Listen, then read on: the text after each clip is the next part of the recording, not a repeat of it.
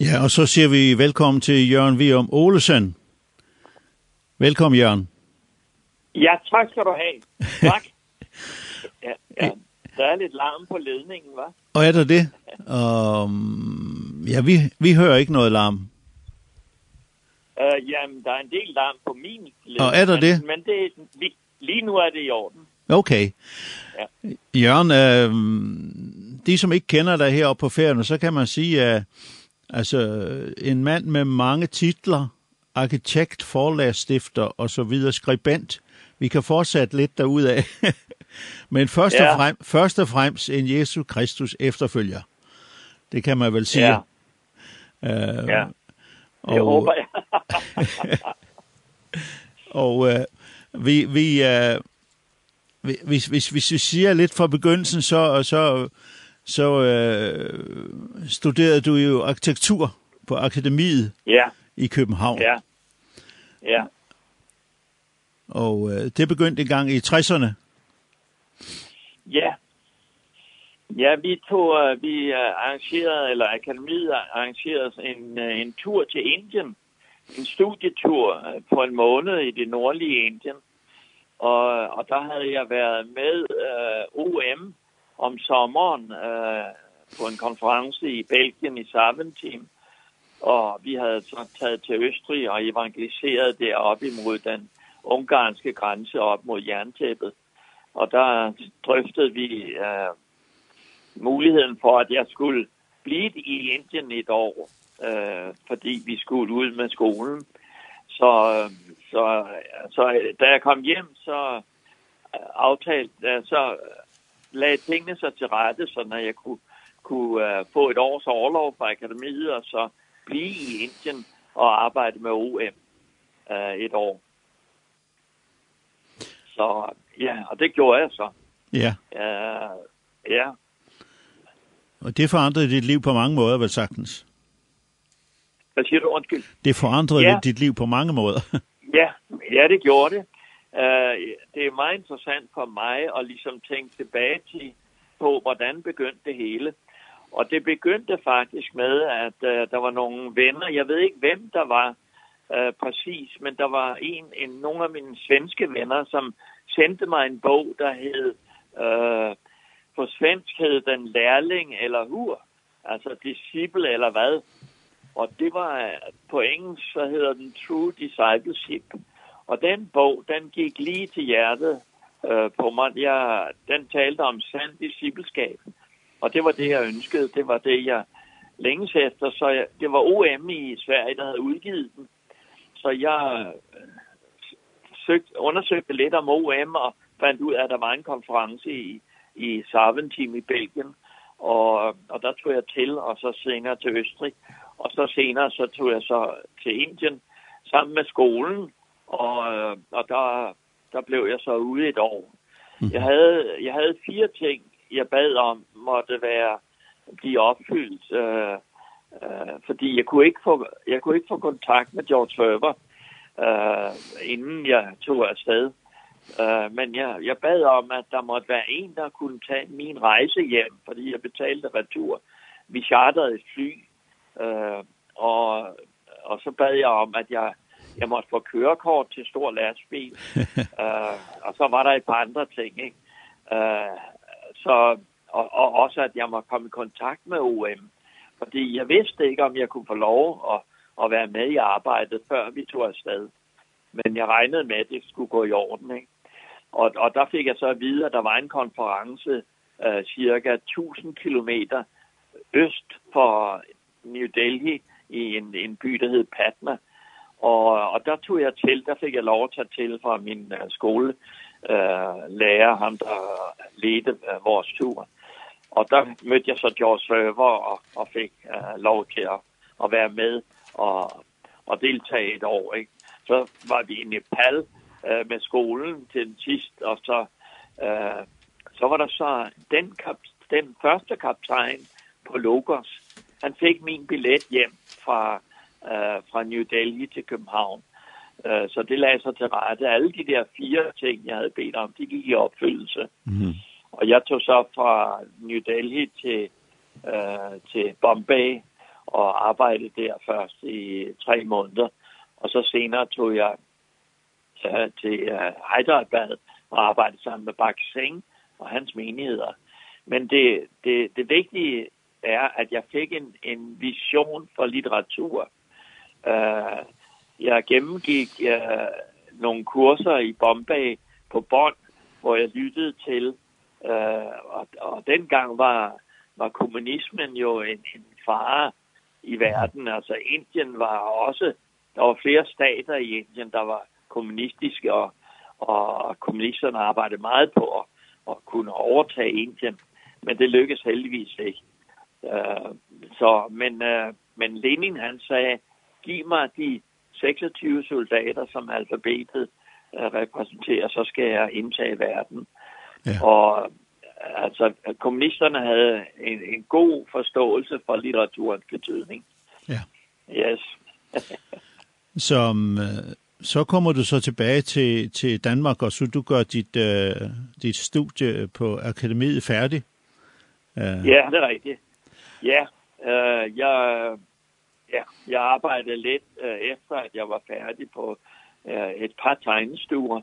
Men så blev jeg bedt om øh, af, af Johannes og Johnny, som jo repræsenterede unge kristne, om at, at tegne og restaurere et hus, øh, som de havde fundet inde i øh, Knabrostræde i det gamle København.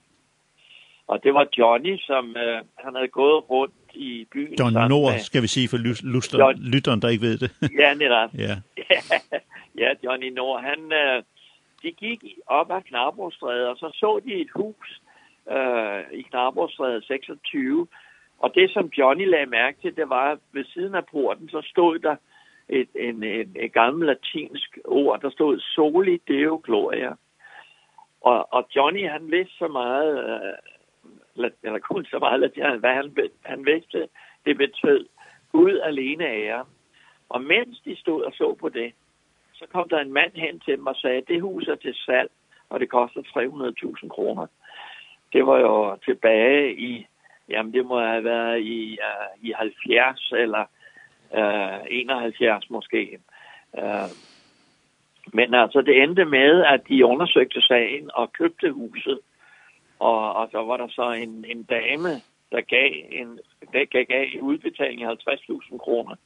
Og mm. Johannes, han var helt oppe at køre, da han fik den besked. Men øh, så tegnede jeg et år. Jeg, jeg blev så gift med Tone, min, min kone. Vi har fem børn, og vi har 19 børnebørn. ja. Det er ikke dårligt, va? Nej, det er ikke så dårligt.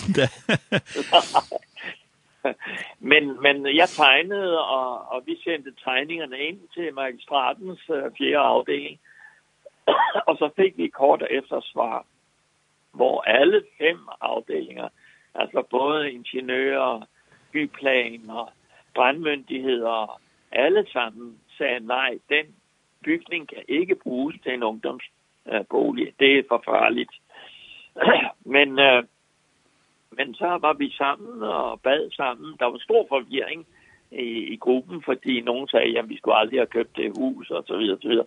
Men så bad vi sammen, og så fik vi et profetisk ord, øh, hvor øh, det var så Ove Stage, der, der gav det og sagde, vi skulle træde frem for myndighederne med frimodighed, og så ville Gud være med os. Mm -hmm. Og så skete der det, at uh, Johnny og Johannes og René Hartmann, som var med i den uh, komité eller bestyrelse for unge kristne, de tog op til Urban, til overborgmesteren og, og sagde, hør her, vi har fået afslag på det her uh, projekthus. Det var et hus, der lå lige rundt om hjørnet.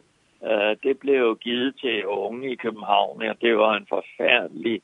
Uh, altså, der var masser af narkotika og, og rod og, og altså det hus, det blev så invaderet af, af unge fra København, og senere blev det så projekt for Brik, og så blev det Christiania. Ja. Uh, men, men vi fik altså, uh, uh, vi gik, altså Johnny Johannes gik op til borgmesteren, og, og han ringede så ned til den bygmester, der havde ansvar for vores område. Og han ringede så igen til os og spurgte, om ikke vi ville komme op. Og så udarbejdede han betingelserne for, at vi kunne få tilladelsen til at, at indrette mm. uh, 26 til et, et ungdomscenter. Og, ja. det gik vi så i gang med, og det tog nogle år, før vi havde det helt færdigt. Ja. Men øh, jeg mødte dig jo en gang i 1974. og, ja. og, altså, det var jo fordi, du havde fået en opgave i forbindelse med Sarensdal, Arne Edvardsen. Ja som ja. gerne vil have bygget en stor hal.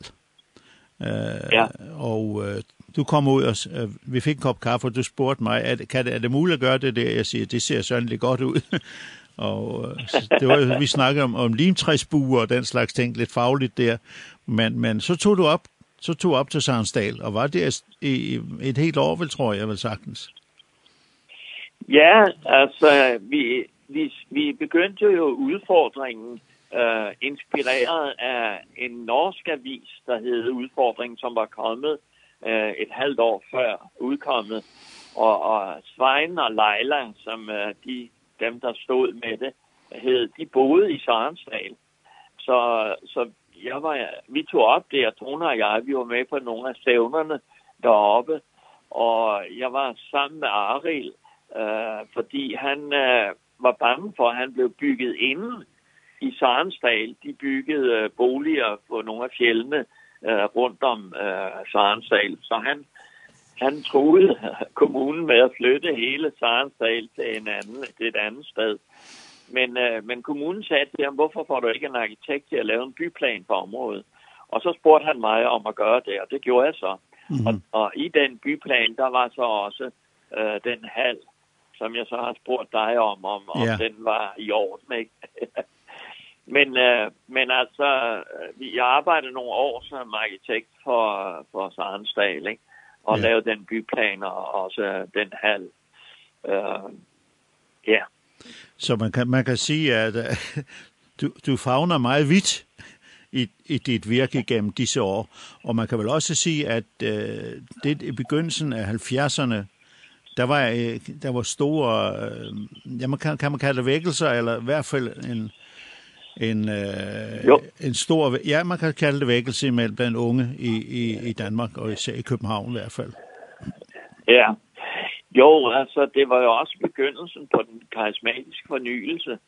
Eh uh, jeg kan huske at Johnny og Johannes de blev spurgt om uh, om de ville modtage en gruppe fra USA fra Kalifornien. Eh uh, og der var ingen af kirkerne der havde mod på det, men uh, men de sagde ja til det de blev så indlogeret forskellige steder, ja, eller især på en skole uh, i København. Men jeg husker tydeligt uh, den morgen, de kom fra lufthavnen. Uh, de kom i en stor bus uh, ind til Belgensgade, Apostolsk Kirke, havde et hus der i på Amager. Og så kom de, og de var meget brogede. Det var præster, lutherske præster med hvide krave nej, ikke, men bare en lille Og så var det narkomaner, det var tykke og tynde, det var farvet og det var hvide, og det var, det var en utrolig broget forsamling. Men øh, de kom så ind der i Bæltensgade og øh, Johannes gav dem en orientering om, hvor de skulle bo og, og så videre, og hvilke møder der var. Og, øh, og så spurgte han, er der nogen, der har en sang? Og så sang vi den her sådan, øh, Jesus, Jesus, Jesus. Og efter vi havde sunget den, så var der så en, der begyndte at synge i ånden. Meget, meget højt og meget klart og skønt. Og så brød hele forsamlingen ud i sang i ånden. Og det var utrolig... Øh, øh, det var utrolig fantastisk for mig at høre det. Jeg har aldrig hørt sådan noget.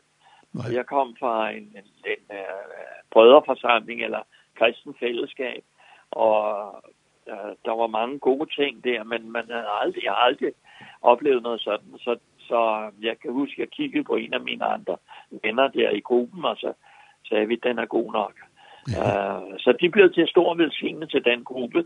Jeg ved, at Alfred Lorentzen nævner den tit, som han var leder for Elim uh, Pinsekirken i København.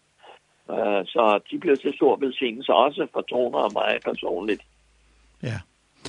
Uh, jeg har lige læst, uh, jeg har opdaget for, for nogle måneder siden, at uh, at Skandinavia har udgivet en bog, med, som Helge Pahus har skrevet, som var præst i uh, Karlslunde Strandkirke i 35 år. Og han skriver ja. i den her bog, at, øh, at han først i 70'erne tog en tur ind til København, som ændrede hans liv. uh, ja. Ja. Han var nærmest øh, lamslået, det han så og oplevede der, og, og han fik meget at tænke over, men det gjorde faktisk, at han at han øh, lagde en anden kurs i menigheden, som så har velsignet den kirke i, ja. øh, i 40 år snart. Øh, ja, netop, ja. Fordi han havde mod til det.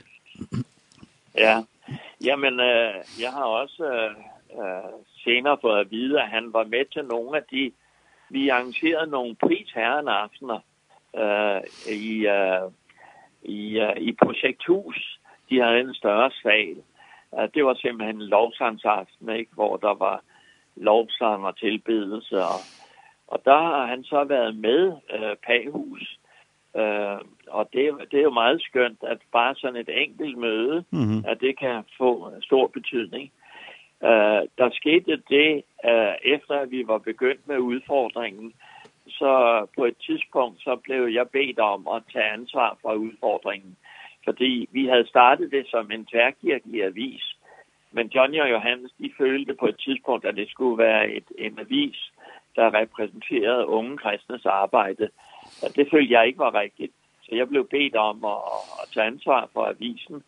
Og det gjorde jeg så. Og, og kort efter det, så kom vi i kontakt med den karismatiske fornyelse.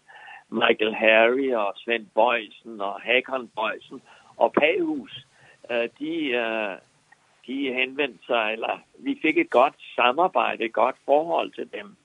Og, og udfordringen blev i de år sådan ligesom en, øh, en øh, promoter for den karismatiske fornyelse. Øh, Pahus var jo en del af, af den gruppe, der var leder i, i den karismatiske fornyelse. Uh, ja, men han er en rigtig dejlig mand, ikke? Ja. Så det er meget skønt. Ja, der var jo... Altså, jeg har jo selv haft en glæde at være på en konference øh, i øh, strand, øh, Karlsson Strandkirke, og det må jeg sige, det var jo... Øh, man, man tænkte jo, er det en folkekirke? Jo, det var det. Fordi ja, der var sådan en stor frihed og forståelse, og, og man blev mødt af, af en kærlighed, som nærmest overvældede en. Så det var ja. det er ikke, ikke det er ikke for at sige noget kedeligt om om folkekirker som sådan, men men det var en helt speciel Nej. oplevelse at komme der. Ja. Jamen jeg har siden jeg har været vi var nede min kone og jeg i forbindelse med med uh, kordegnen. Han sluttede, han er han er svigerfar til en af vores sønner.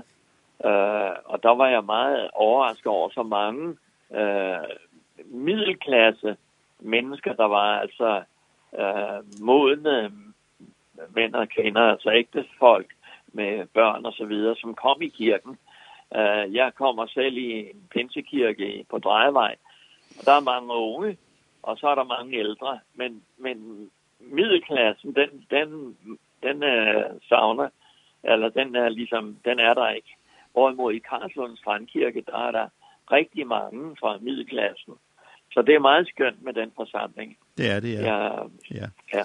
Og det var jo morsomt nok, han skriver i bogen der, at uh, han søgte, han troede, nu var tiden ude i Karlsund Strandkirke, så han søgte andre, andre uh, kald, men han fik det aldrig, og han skriver så, jeg var nok blevet for karismatisk. ja. ja. Men jeg er tilbage... Huske, vi besøgte, ja. ja.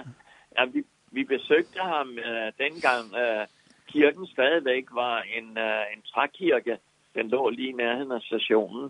Uh, der besøgte vi ham uh, med en, en lille gruppe inden for huset i Knarbrostræde og spillede og sang og gav noget vidnesbyrd, tror jeg. Men, uh, men senere fik de jo bygget øh, Strandkirken, ja. og det er jo rigtig skønt, ikke? Altså, ja, smuk bygning. Uh, det er jo er det skønt kirke. Hvis vi spoler tiden lidt tilbage, så igen, så går vi ind i forlaget Skandinavia, som jo har været ja. så stor velsignelse for mange mennesker. Hvordan begyndte det? Amen. Jamen, øh, altså vi begyndte jo med udfordringen.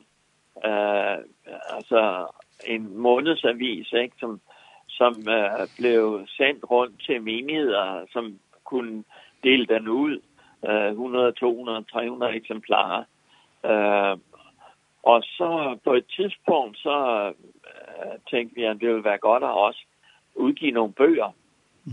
Og, og det begyndte vi så, så småt med uh, bøger på dansk. Men, uh, men uh, jeg så nogle plakater på et tidspunkt, uh, uh, hvor der var et, et skriftet på. Og jeg synes, det kunne være rigtig skønt, hvis man kunne finde nogle skønne uh, naturbilleder. Uh, blandt andet, jeg, jeg tænkte på den her sådan, til himlen rækker din miskundhed Gud. Altså, hvis man fik nogle skønne naturbilleder, og så satte et skriftsted på. Og mens jeg sad og lavede de her sådan, skriftsteder, som skulle trykkes oven på et naturbillede, så kom jeg i tanke om, hvordan kunne jeg lave det på engelsk og tysk og svensk og norsk og finsk. Og mens jeg sad der, så, så snakkede jeg så med nogle venner i, i kirken, som var øh, inden for trykbranchen. Og, og vi fandt frem til en måde, hvorpå vi kunne, vi kunne trykke farvebilledet i, i 10.000 eksemplarer, og så over, så øh, trykke dem over med sort tekst bagefter på, på de her 5-6 forskellige sprog. Og, og de første fire plakater, vi, vi udgav, dem øh, trykte vi så på 2000 svenske, 2000 norske og 3000 engelske. Og, øh, og, og da vi havde trykt dem, så sendte vi dem rundt til de adresser, vi kunne finde øh, i, i de forskellige lande. Jeg kan huske, at der var en fra Dagenhuset i Sverige, der ringede og spurgte, hvor mange plakater vi havde på svensk. Vi havde cirka 2.000 af hver. Og det var, det var en ret stor sum penge. Så vi sendte alle de her svenske plakater til Dagenhuset. Og de solgte dem rigtig godt, og de kom tilbage og bestilte flere. Mm. Uh, men altså, Skandinavia begyndte med plakater, uh, og så, så var opgaven jo den, at vi skulle finde forhandlere rundt i mange forskellige lande, på mange forskellige sprog. Og det gik vi så i gang med. Vi, vi tog på en udstilling i, i, i London og senere i Frankfurt, og, og der fik vi rigtig mange bestillinger. Og der begyndte så en, uh, en, en økonomisk uh, uh, et, et firma, uh, kan man sige. I dag uh, er det min søn, der har overtaget det, og vi har for eksempel uh, udgivet en børnebog, en børnebibel uh, i 6 millioner eksemplarer på næsten 100 sprog. Mm -hmm. Vi har en anden, en handy bible, som har, har trykt i, i 3 millioner eksemplarer. Uh, og de trykker stadigvæk op. Der er nye lande, nye sprog, der kommer til, og der er genoptryk af de gamle uh, sprog. Så, mm. så vi, har, vi har udgivet rigtig mange bøger rundt om i verden. Ja. Uh, så ja. En af de første bøger, jeg fik fat i herfra, ja, det var et, et testamente, som jeg trykket ja, også her. Ja. Det er ja. øh, meget frisk udgave, kan man sige, let læselig for alle. Ja. Det var lidt ja, af en revolution jo... også. Hvad siger du, undskyld? Lidt af en revolution, den, den udgave. Ja, ja, ja altså vi, vi udgav jo uh, Bibelen på hverdagsdansk, ikke? Ja. Uh, den første, den, uh, der var det Johnny Nord, der ligesom stod bag den oversættelse. Men, men uh, en senere udgave, der var det Ivar Larsen, uh, og, som har arbejdet med Wycliffe i Afrika i mange år. Han er en rigtig god bibeloversætter. Og han han oversatte så en udgave, som vi, vi kom med for 20 år siden. Og den blev rigtig godt modtaget. Og vi solgte rigtig mange af, af Bibelen på hverdagsdansk.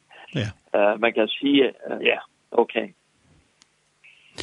Så kan man sige, det, det er en lang historie, du har, og, og, og, og, og mange, men alt, alt hvis, jeg, hvis jeg kigger lidt på årstal og sådan noget, så ligesom det hele bliver spolet ned til en gang sidste 60'erne og, og først i 70'erne, det første 5 og 6 år, der ligesom begynder det hele at vokse og derudfra. Er det nogenlunde ja. rigtigt, hvad jeg siger? Jo, altså jeg mener, at uh, den konference, som jeg tog til i Belgien i Saventim, uh, det, var, det må have været i 67, lige efter uh, seksdagskrigen. For jeg kan huske, at der var en stor gruppe af amerikanere, der ikke kunne komme til konferencen, på grund af, at der var ikke fly til dem. Men så tog George Weber over til USA, og han fandt sig et, et fransk fly, der kunne, uh, jeg tror, der var en 80 amerikanere, der skulle være med på den konference. Så han kom et par dage senere, og, og, og da han kom, så kom der altså uh, gang i hele konferencen, ikke? Men George Weber er jo en fantastisk person. Han beder for de gamle OM'er. Han har også bedt for mig igennem mange år. Jeg har stadigvæk kontakt med ham, og vi skriver ære til sammen. Vi har udgivet et par af hans bøger, og øh, han er altså en... Han har haft en blodprop her for nylig, men, men han, er, han er igen i gang med at, at rejse og prædike forkynde ordet. Han er ja. en meget skøn person, ikke? Det er for kort tid siden var han på færøen, og, og dem, der havde arrangeret det, de ligesom synes nu skulle det have en, en hyggeaften med middag og det hele. Det sagde han, det har han ikke tid til. Nej, jeg, jeg, kan også godt huske, at han sagde på et tidspunkt, det at holde ferie, det kunne han slet ikke. Hvis han bare nogle dage uden og, og op, det, det, det passer ham ikke. Så ja. han, han holdt aldrig ferie. Nej. men, Men jeg kan huske, at han, han kom jo øh, til, til Hyderabad i Indien, øh, hvor jeg var i et års tid, ikke? hvor vi kørte rundt med nogle store trucks rundt fra landsby til landsby. Ikke? Og der prædikede han ikke, men, men når, når Bak Singh kom på, så var der altså en dynamik, en fantastisk øh, kraft ud fra øh, Bak Singh. Øh, han, øh, hans omvendelse han var jo sikh, altså hindu, og, og han kom til England og studerede, jeg tror han læste ingeniør, og hans far øh, var ret velstående, så de underholdt ham. Og så på en rejse fra England til USA, til Canada, øh, ombord på båden, der, der var der nogen, der opfordrede ham til at tage med til en gudstjeneste. Og det kunne han jo godt gøre, fordi øh, vesterlændinge, de gik tit øh, ind i de hinduske, i hindutemplerne, så han synes, han kunne godt være med. Så under prædikenen, så øh, opfordrede øh, prædikanten alle tilhørende til at knæle ned. Og det var godt nok et, øh, men, men i det øjeblik, Bak Singh, han knæler ned, så åbenbarer Gud sig for ham. Mm -hmm. Og han øh, kommer til tro og bliver omvendt kommer til Kanada, og, og, og det er så øh, midt under depressionen, ikke? Hans far slår hånden af ham, så han har meget lidt øh, at gøre med, ikke? Men han kommer igennem nogle, nogle meget vanskelige år, og læser Bibelen og bor hos en, en kristen familie. Og så kommer han tilbage til, til Bombay, og så kommer hans far og, og hans kone, han var gift og, og havde en lille dreng. Og hans mor til Bombay og for at tage imod ham. Og så siger hans far til ham, øh, tag med os hjem til, det var altså Indien, det var Pakistan uh, i dag, men den dengang var det en del af Indien, ikke? Uh, muslimerne de skilte jo uh, Indien ad i, i Pakistan og Østpakistan. Ja. Men, men så siger han til ham, at uh, du må tage med hjem, men lad være med at tale så meget om Jesus så tager jeg ikke med, sagde han. Så han blev i Bombay, og han begyndte at, at prædike for, for de færdige, for fejre og, og så videre. Og altså, han var en, en dynamo. Altså, han, da, da vi var derude, da jeg var med med OM, og vi arbejdede sammen med Baksingen med OM, der, havde, der var der plantet 400 menigheder i den sydlige del af Indien, også i i New Delhi og også nordpå, også i Kashmir. Og, øh, men han var en fantastisk personlighed, ikke? Ja. Så og han blev brugt af Gud, det er der ingen tvivl om. Nej. Øh, Jørgen, det er, du har haft et, et spændende liv på mange måder. Øh, ja. Og, og, og det hele begynder faktisk, som du siger, da, da du bliver ramt af, af lynet der under OM i Belgien, og, ja. og så sker der en hel masse. Ja. ja. Ja. Og, og du har meget arbejdet, ikke, så, ikke, ikke ret meget som arkitekt faktisk, men skribent Nej. har været dit liv, mere eller mindre. Ja, altså, ja man kan jo sige, at uh, altså det at skabe en bog, det at Uh, altså det vi gør med med forlaget Skandinavia, det er at vi vi får en tegner til at tegne og, og en forfatter til at skrive. Der har vi Vi har haft meget, meget glæde af en spansk tegner, der hedder José. Han har tegnet for os i, jamen, i 30-40 år, og han tegner stadigvæk for os. Mm -hmm. uh, han er ved at være ældre nu, ikke? men uh, han er en gudgiven uh, illustrator, og, og det er jo hans tegninger, der har, har gjort, at vi har solgt så godt af, af, af børnebiblen, og mange, mange andre bøger har han illustreret. Eh og han har gået godt ind i, i mange sammenhæng, i mange kulturer og, og så videre. Men, uh, men, men det at sætte en bog sammen, og så prøve at få den solgt til så mange sprog som muligt, og så trykke den samtidig, hvor man kun skifter den sorte plade, altså den sorte tekst. Ja. Og så kan man så trykke 20, 30, 40.000. Og det gør jo, at prisen kommer ned, så vi ja. kan sælge den uh, forholdsvis billigt til i små oplag til Sverige og til Norge og så videre. Ja. Så så den det er sådan en det er jo en en business eller forretningsidé ja. som har lidt med kreativitet at gøre og ja. illustrationer og så videre. Så selvom jeg ikke har arbejdet som arkitekt så så har jeg alligevel arbejdet med det kreative, og det har nok været min stærke side. Ikke? Ja. Og jeg tror, at Jakob har overtaget den side også. Ja. Her til sidst, så skal jeg øh, bringe dig en hilsen fra vores daglige leder her, Johannes Miskær, som du kender. Eller okay. Det, det er i hvert fald din søn kender. Han arbejder her på stationen også. Og øh, ja. du har, I har sammen været, udgivet noget på færøsk. Nå ja, ja vi har udgivet den her sådan, øh, hvad hedder den, øh, godt design for sex, ikke? Ja. Ja, Det har han ja, arbejdet med i. Så han er ikke på station i øjeblikket, han er i Danmark, men, men jeg skulle bringe dig en hilsen. Jamen tak skal du have. Jamen det, det er en god serie.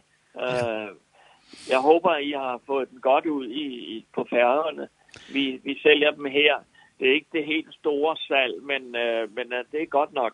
Ja. Uh, uh, det er jo lidt uh, utraditionelt i vores tider, ikke? Ja, det er det. Så men ellers, Jørgen Vium, tak skal du have for, at du ringte op og høre lidt af din liv, lange livshistorie med, med utrolig mange spændende ting og mange falsetter, som, som kan ja. være til stor inspiration for andre også. ja, lad mig lige sige, at vi er en lille gruppe af de gamle unge kristne, som vi jo så blevet modne nu, ikke? Men vi mødes til bøn en gang om ugen, dels inde i Knabrostræde og dels på Zoom, og det er rigtig, rigtig godt. Ja. Så det at, at, at være en lille gruppe og be sammen, det er meget skønt. Ja. Så det kan jeg varmt anbefale. Ellers så læste ja. jeg jo, at uh, Youth Mission, de har jo ligesom lejet sig ind i, i huset nu, så det er i brug. Ja, ja det er rigtigt. De lejer huset, ikke?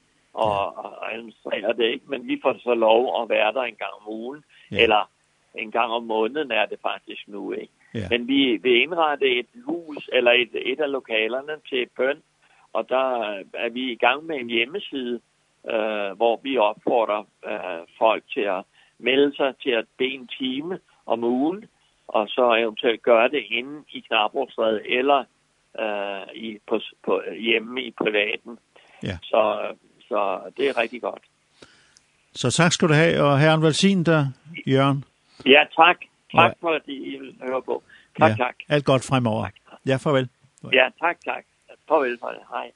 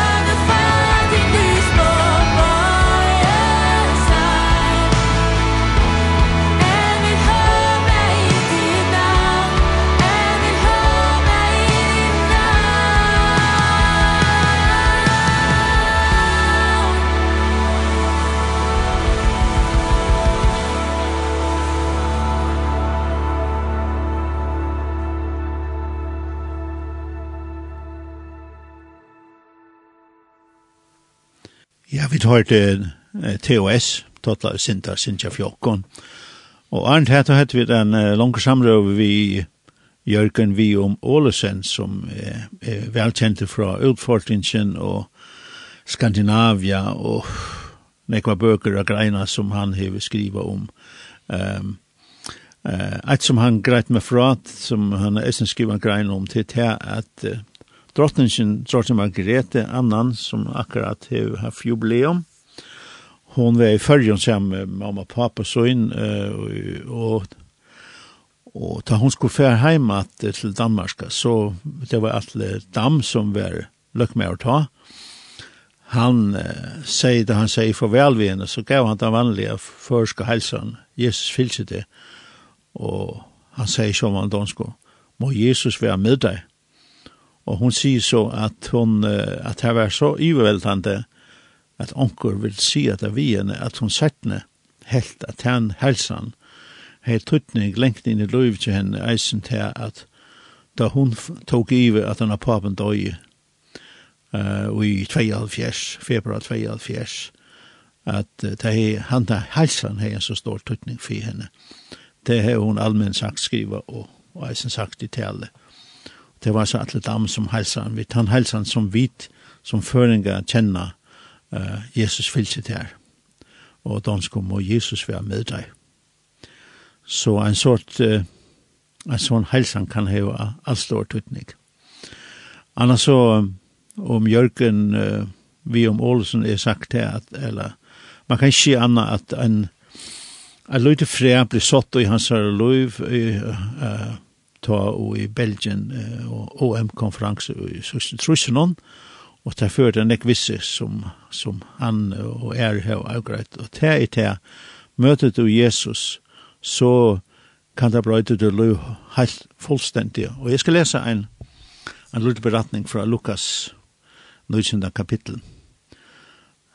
Så kom han, altså Jesus, inn i Jericho og får i djøkken bojen. Her var med over i Elsakeus. Han var ivetottlare og ryker med over.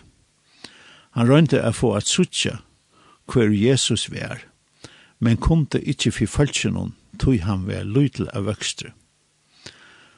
Han tar han, tar han han fram ondan og kleiv opp i morberga tre for å få han å suttje, tog han skulle komme fram vi her. Da nu Jesus kom herne, hukte han opp, sa han og sier vi han, Zacchaeus, skunda deg og kom nyer, og i det skal jeg være til hus tjater. Han skunda seg ta og kom nyer og tog imot honom vid glede. Da det så, da i teg så hetta knarra i teg øl og søtte. Han er ferd inn at gista tja sinti un manne. Men Zacchaeus steg fram og sier vi herran, Herre, helten av tog som i eie, djeve er fatakon. Og hev er kraft og mykje fra nøkon, let i fyra fer så mykje atte. Ta seg Jesus vi han, og i der er frelsa komen i ved hetta hus, vi ter at eisen han er soner Abraham. Her ein som öll halte lyd om, Zacchaeus han møter Jesus, og det som er utrolig, det er at Zacchaeus, han er, nu skal jeg Jesus, men det er fullstendig iverveldende, det er at Jesus kjenner han, og ved navnet, og sier, kan jeg være seg til her? Og det er at vi som mennesker kan skal, ja, vi hukser om Jesus, vi vil være sammen vi, og når hukser til det, han kjenner det lengt fram undan, han kjenner navnet til det, og løyvet og er brått, som Zacchaeus var brøtt.